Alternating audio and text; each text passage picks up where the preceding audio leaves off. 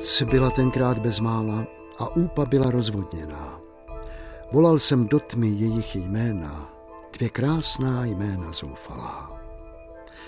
Té, která byla raněna a sežehnuta bleskem krásy, básnířky, která vplétala si krvavé trní do jména.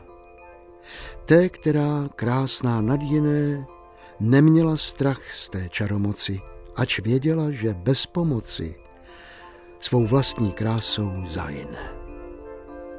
Jako bych volal do mládí.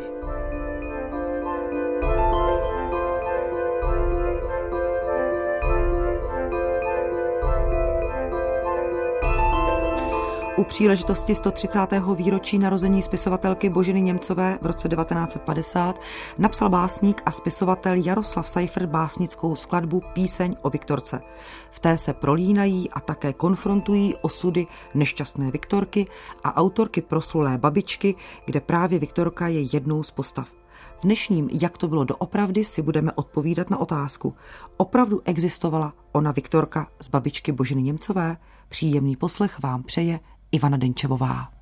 Viktorka je sedlákova dcera ze Žernova. Rodiče její jsou už dávno pochováni, ale bratr a sestra žijou podnes. Před patnácti lety byla Viktorka děvče jako malina, svižná jako srna, pracovitá jako včelka. Šla o ní pověst po celém okolí a námluvníci podávali si dveře. Tatíkovi a matce by se mnohý líbil, Nejeden byl hospodář zámožný, ale ona tomu nechtěla rozumět. Jen ten měl u ní dobré oko, kdo nejpěkněji tancoval. Lidé si povídali, že je Viktorka hrda, že čeká, až pro ní přijedou v kočáře. Prorokovali, že pícha předchází pád, kdo dlouho vybírá, že přebere.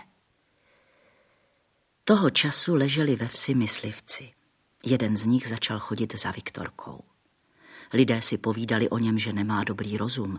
A Viktorka, když vešla mezi kamarádky a stala se zmínka o něm, říkala, co ten voják za mnou chodí? Tak popisuje v babičce Božena Němcová právě Viktorku.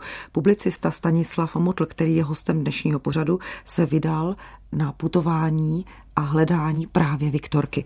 Proč jste se vypravil hledat skutečnosti o této literární postavě? Já jsem byl v Žernově, protože jsem se v té době domníval, že se narodila v Žernově právě ta Viktorka. A objevil jsem tam strašně zajímavého kronikáře, byl to pan Nývlt, který mě vlastně seznámil s nějakými i farními kronikami. Taky se musím přiznat, že tehdy se mě pracovali lepší v tom roce 90 nebo 91, protože se lépe nakukoval do těch matrik, než to je dneska. Proč je pro nás příběh Viktorky tak přitažlivým? Jak si to vysvětlujete? Často nás vzrušují postavy, přiznám se, že to je můj případ, který jsou jakoby třeba zavržení nebo vyvržení nebo nejsou úplně jednoznační. A je tam všechno. Do dneška si říkám, kdyby někdo oni natočil film, tak je to velký trhák. Je tam nešťastná láska, že jo? je tam zatracení, je tam nádherná, krásná dívka, která potom skončí takhle špatně, jak dá se říct až v blátě. Takže ten příběh nás přitahuje samozřejmě. A ty jsi nikdy s ním nemluvila? Ani jediného slovíčka, zkoumala kovářka. Ani slovíčka. Nedal ti také, anebo neposlal po vojácích ničeho k jídlu? Jablko nebo marcipán? Nic, kmotra, nic. Ti ostatní vojáci ani s ním nedrží. On prý je tuze pišný a jak živ je takový samotář. To je už ten pravý morous, tvrdila s jistotou kovářka. Ale ty se nic neboj, Viktorko, já ti pomohu. Prozatím není ještě zle. Přinesu ti zítra něco a to budeš nosit ustavičně při sobě. Ráno, když vyjdeš z komory, nikdy se nezapomeň pokropit svěcenou vodou a řekni pámbu se mnou a zlý pryč. To bylo setkání Viktorky s kovářkou, která jí měla pomoci ochránit se od té nešťastné lásky. Viktorka uchráněná nebyla, byť se o to více či méně snažila. Z koho šla Viktorce hlava kolem a jaké informace můžeme považovat za věrohodné? Pravdou je, že v tom kraji, jak jsem zjistil, v roce 1812 se zdržovala vojska v době napoleonských válek a jednoduše se prostě zamilovala. Bylo jí v té době asi 20 roků, pracovala tehdy ve statku Výsledkem potom bylo, že odešla za tím vojákem. to bylo v době, kdy tedy pracovala ve službě v Žernově. To stavení jednou koupila rodina Čapků a vlastně z toho stavení pocházel pan Antonín Čapek, pozdější lékař a tatínek Karla Čapka a Josefa Čapka, takový zajímavý. Ale tam skutečně ta Viktorka, ona se správně jmenovala teda podle toho zápisu Viktorie Židová nebo Žitková možná, tam tehdy pracovala. Pak se ještě dostala trošičku dál do Olešnice, kde šla na statek, eh, kde působila její sestra Františka, jediná sestra, kterou se má dohledal a odteď právě ušla za tím vojákem. No tak představme si, jak na počátku 19. století byl takový Viktorčin útěk za tím vojákem neboli eh, černým myslivcem asi vnímán. Já se osobně domnívám, že se musela ocitnout někde v Josefově blízko v té pevnosti, kde prostě působil jako působilo několik dalších žen. No ale po jisté době, jestli to byly dva roky nebo tři roky, to přesně už nevím, to jsem nezjistil, se ona vrací domů, ale úplně v jiném stavu, než ji ty lidi znali. Jistým zamyšlením pro zobrazení této postavy v celé její tragičnosti a také výjimečnosti v jisté spojitosti se životním příběhem spisovatelky Boženy Němcové může být eh, text z dopisu, který sama spisovatelka poslala 24. června roku 1853 své přítelkyni Žofii Rotové.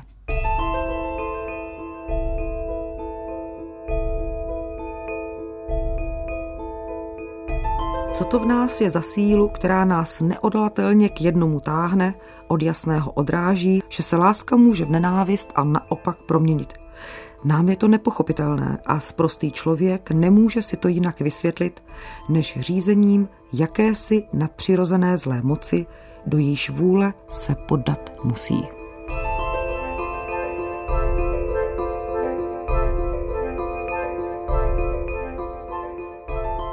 Sama Božena Němcová je osobností, jejíž život je opředen mnoha tajemstvími, ať se to týká například jejího skutečného roku narození, kdo byl jejím otcem, ale také řadou nešťastných milostních vztahů. I o tom píše ve své knížce o babičce literární historik Václav Černý. Sám z východních Čech pocházel. Není pravda, že romantická autorka Božena Němcová neznala noc, zlo, bolest, tragiku a lásku demonickou, šílenou a hanebnou. Přízvuk a pravdivost jejího příběhu o Viktorce je dostatečným důkazem. Její zvláštnost je však ta, že žila sice svou noc i noc Viktorčinu a znala její moc, ale čekala na jitro. Noc i bolest právě ona básnicky stělesnila, aby existovaly ve Viktorce s přízvukem absurdnosti tak palčivé, jakou je dovedl u nás nadát ještě jen Mácha ale i ta absurdnost existuje u ní jen v záměru dne a radosti, které má zrodit. Vraťme se k putování za Viktorkou, na které se vydal Stanislav Motl. Jedno z vašich setkání bylo s literární historičkou Helenou Sobkovou, která napsala mimo jiné knihu Tajemství barunky Panklové. Paní doktorka Sobková mě v podstatě řekla to, co jsem věděl, že Viktorka skutečně existovala, že ovšem nezahynula jak to popisuje Božena Němcová nějakým bleskem a také řekla, že byla podstatně starší, než byla Božena Němcová. Hromnička náhle zhasla a dveře v stejném okamžiku se rozlétly. Kdo stiskl kliku? Smiluj se, pane, nad námi. A blesky skryté do pochev padaly s třeskem vytaseny a tříštily se o kameny, když na stráni se ozval zpěv. Viktorka. Až do morku vřezával se ten hlas, když hromy duněly lidem do svědomí. Bože, ochraňuj Viktorku. Tragický konec života Viktorky, který známe jen z babičky, ale v tomto zpracování také od básníka Jaroslava Seiferta v jeho písni o Viktorce. Vraťme se ještě k samotné existenci Viktorky v Žernovské kronice. Jejím autorem byl tamní starosta Jindřich Valášek a můžeme se například dočíst. Tento příběh mi vyprávěl můj otec, narozený 1878, tak jak jej slyšel od své matky Josefy, rozené Kaněrové ze Zlíče, která Viktorku osobně znala. Říkala o ní, že jako pomatená se živila žebrotou. Chodila však v čistých šatech, které si buď prala v řece Úpě nebo v potoce a sušila je na břehu rozvěšené po keřích. Ráda sbírala houby a dělala z nich hromádky, ve kterých byly smíchány jedlé houby společně s jedovatými. Neměla ráda mladá děvčata a když je potkala, častovala je neslušnými nadávkami. Pokud to počasí dovolovalo, ráda přespávala v jeskyních. Jedna je pod Žernovem v lese Dubině a druhá u Zlíče na Kaněrově stráni. V této jeskyni ji praděda Kaněra při procházce lesem našel a zjistil, že její život pomalu vyhasíná. Aby obec Zlíč neměla s pohřbem výdaje, naložil je na vůz a odvezl do Červené hory do čísla popisného jedna, protože věděl, že v této obci má své domovské právo. Zemřela však v čísle popisném 8 a pohřbena byla v Červeném kostelci. Publicista Stanislav Motl, který hledal stopy skutečné Viktorky, směřoval své pátrání i tímto směrem. Do jaké míry informace od pana Jindřicha Valáška jsou pravdivé? Skutečně podle těch zápisů je to tak, že se narodila 9. června 1792 v Červený hoře ve stavení číslo 4. Tam je spíš jenom problém s tím jménem, protože oficiálně se píše, že se jmenovala přesně Viktoria Terezie Židová, její otec byl teda Antonín Žid, byl to chalupník, ovšem, jak jsem říkal, není úplně jednoznačné, zda se tím příjmeně jmenoval opravdu Žid, protože někdo mu prej říkal Žídek nebo dokonce i Zítko. No a maminka Viktorky, ta se jmenovala Anna, byla rozená Lalková, pocházela z nedaleké obce Třtice. První roky života Viktorky jsou taky, řekl bych, podchyceny i díky tomu panu Valáškovi. Ona začala do školy chodit ve Slatině nad Úpou, Opravdu byla prej velice hezká, byla spíše drobná, měla kulatý obličej s dlouhými černými vlasy. V té souvislosti mě hrozně moc lítope, když jsem ještě tyhle informace měl, tak jsem neudělal to, co jsem si udělal na podkarpatské Rusy, že jsem s pomocí malíře rekonstruoval obličej Nikolišova loupežníka, tady jsem to měl možná udělat taky a měli bychom ještě věrohodný portréty.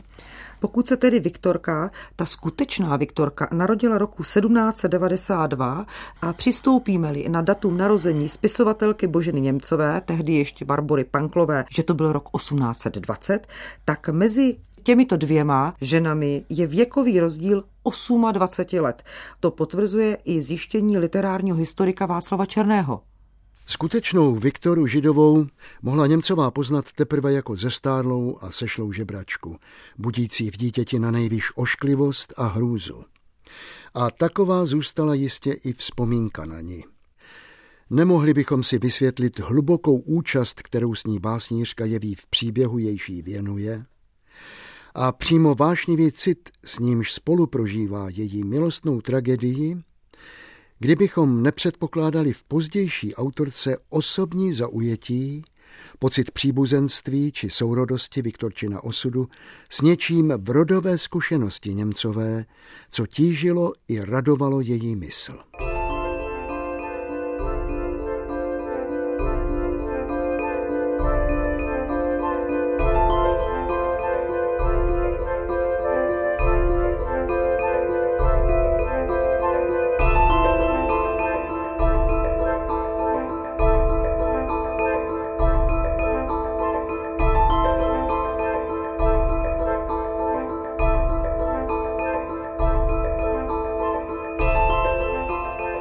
Dnešním Jak to bylo doopravdy si odpovídáme na otázku, existovala skutečně Viktorka z babičky Boženy Němcové a publicista Stanislav Motl zjišťoval skutečnosti. Pokud tedy půjdeme po faktech, tak někdy ve svých přibližně 20 letech se Viktorka seznámila se svým osudovým vojákem, černým myslivcem. To tedy ještě chybělo 8 let do doby, než se narodila Božena Němcová. Ta se s ní tedy mohla setkat, až když byla Viktorka dospělá, pomatená žena na splavu. Jaká vůbec ale skutečně Viktorka v té době, kdy se vrátila, pravděpodobně z Josefova, byla? Trošku tady budu polemizovat s panem profesorem Černým, protože on tam říká něco v tom smyslu, jestli se nemýlím, že spíš zbuzovala štítivost nebo něco takového. Nebyla to, myslím, pravda, protože ti lidé měli rádi. Pravda, že chodila třeba v nějakých rozedraných šatech, ale docela na sebe dbala a chodila i do stavení, kde vždycky podle těch vzpomínek eh, málo mluvila, spíš jenom natáhla ruku, někdo jí něco dal, většinou nějaké jídlo nebo něco takového a pak šla eh, do té přírody, kde se cítila asi úplně nejlíp. Pravdou taky je, že na tom splavu prej zpívávala, občas se prý v těch eh, jejich písních objevovala maďarská slova, Já jsem z toho usuzoval, že možná chodila s těmi vojáky, že ten její možná byl nějak maďarského původu. Ale co je teda zajímavé, že milovala malé děti velice, když třeba viděla malé dítě, tak se nad tím nakláněla, měla se k němu hrozně hezky. Co víme o jejím údajném nemanželském dítěti? To přece mohlo být jedno z vysvětlení, alespoň jak tomu rozumíme, když čteme babičku, proč se vlastně zbláznila. Božena Němcová píše o tom, že porodila dítě, které hodilo do splavu. Dokonce se k tomu hlásí teda i pan Valášek v té své kronice. Já osobně se domnívám, že kdyby něco takového udělala, tak by alespoň byla vyšetřovaná nebo možná uvězněná, přece jenom už to byl začátek 19. století, ale co mě velice překvapilo, že jsem objevil v jednom archivu, že skutečně porodila syna v roce 1834, to je bylo 42 let, a poradila ho 14. srpna v té době, když byla takzvaně už pomatená, chodila po tom lese. Já jsem ale pátrala po tom dítěti, jaký byl osud. To dítě dostalo jméno Jan, byl to teda syn, a se odešel do Vídně učit šefsem a tam se jeho stopa ztrácí, takže s největší nebo s určitou pravděpodobností potomci eh, nešťastné Viktorky žijí možná ve Vídni. V jasném světě, jehož střed tvoří staré bělidlo, je Viktorka utkvělým znamením temného neštěstí, možného průvodce všech lidských lásek, cest a nadějí. Na rozdíl od ostatních postav v babičce, které mají svoje obydlí v chaloupkách, myslivnách, na zámku, ve vsi anebo v městečku, Viktorčiným domovem je les, tedy prostor postaletí v bájích a v umění spojovaný s nebezpečím, nadpřirozenými bytostmi z jiného světa a s temnotou. Pod lesním stromem si také nebohou Viktorku najde boží posel, blesk za bouře, která jinak v krajině mnoho škody nenatropila. Viktorka byla v moci živlů už od počátku. Provokovala své hlavostí, i dobrým mladíkům, kteří se o ní ucházeli, vzdorovala, až záhadnému černému myslivci nakonec podlehla. Její cesta za láskou a příčiny vlastního neštěstí jsou v díle ovšem zahaleny tajemstvím. Ondřej Švec, autor textu, který jsme slyšeli, napsal práci Proměny kritické a umělecké reflexe role Viktorky v babičce Boženy Němcové. Boží posel tedy zasáhnul Viktorku. To byl ten strach z bouřky, o kterém psal již básník Jaroslav Seifert. Ale jak to bylo doopravdy? Tam je zajímavé to, že Viktorka měla skutečně dobrý, řekl bych, fyzický kořínek. Nejenom, že porodila ve 42 letech celkem úspěšně, ale žila ještě v lese v 70 letech. Na potom, podle mého názoru, ani přišla, eh, já tomu někdy říkám, nadneseně kletba stáří, to znamená, bylo i 76 let, když vlastně odcházel z tohoto světa. Pan Valášek, kterého jsme zmiňovali, tak ten pan Kaněra, který našel umírající, to byl jeho praděd. Takže on to měl, jak se říká, i z první roky rodiny a opravdu měl hrozný strach, aby ta obec, že jo, kde ona v té jeskynice byla na té kaněrově stráni, to je pod kaněrovou strání, on měl strach, že by musela ta obec platit ten pohřeb, tak je pravda to, že vzal ten povoz, naložili tu polomrtvou Viktorku a odvezli právě tu umírající paní do té Červené hory, kde ji skutečně nechali 17. října 1868 umírá. Kde je vůbec skutečná Viktorie Židová, pokud přistoupíme právě na tuto verzi příjmení, eh, pochována? No tak, eh, že když někdo přijede do Červeného kostelce, tak takovou atrakcí tam je ten hrob, kde je přímo napsané, že tam je ta Viktorie Židová pochována. Není tam a není dokonce ani eh, pochována u Bouštinského kostela, který tam i dal měl podle Bože Němcové, ten pan, turínský pán teda ten kostel postavil za zázračné uzdravení své dcery, tak není tam hrob neznáme. Zase z logiky prostě té doby a té situace, která nastala, říkám si, prostě to bylo běžné, že na těch venkovských zbytůvcích člověk, který nic neměl, byl nemajetný, tak ho dávali vlastně ke zdi blízko sebe vrahů a tam se na to zapomnělo, takže ty ostatky tam asi budou, ale už někdo neví kde. Proč tedy stavíme symbolický hrob? Oni jsou hrdí na to, že tam měli Boženou Němcovou a že tam mají Rati Bořice a že tam mají i tu Viktorku, tak vlastně chtěli dát nějakou úctu, vzdát nějakou úctu i po těch, i po těch letech a mně se to líbí. V dnešním Jak to bylo doopravdy si odpovídáme na otázku, zda existovala skutečná Viktorka z proslulé knihy Boženy Němcové babička. Stejná otázka také na hosta dnešního pořadu, kterým je publicista Stanislav Motl. Existovala Ovšem nebylo to s ní samozřejmě tak, jako píše Božena Němcová, to je ta litární licence, ale byl to pozoruhodný, tragický, nešťastný život, jak už jsem říkal na začátku, dovedl by si představit o ní film. Uplynul rok. Jednoho dne přinesli ovčáci novinu do vsi, že viděli v panském lese ženskou, která je zrovna tak velká a takové černé vlasy má jako Viktorka. Byl jsem tenkrát první rok mládencem zde u mého předchůdce, neboštíka Tchána. Starý mi řekl, když jsem šel do lesa, abych se poohlédl, jestli bych neviděl takovou osobu.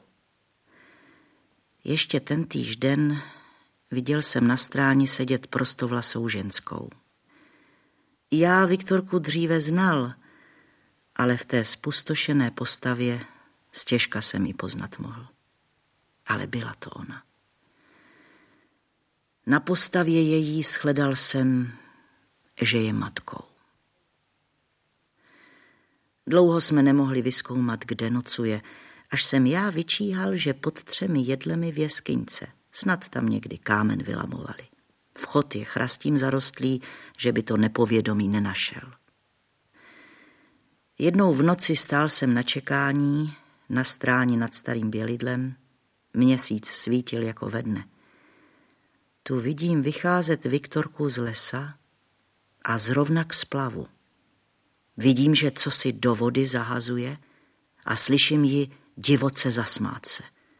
Já se tenkrát hrůzou třásl.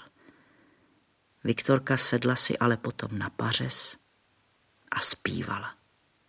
Nerozuměl jsem ani slova, ale nota byla k ukolébavce, co zpívají matky dětem. Spi, děťátko, spi, zamhuř očka svý.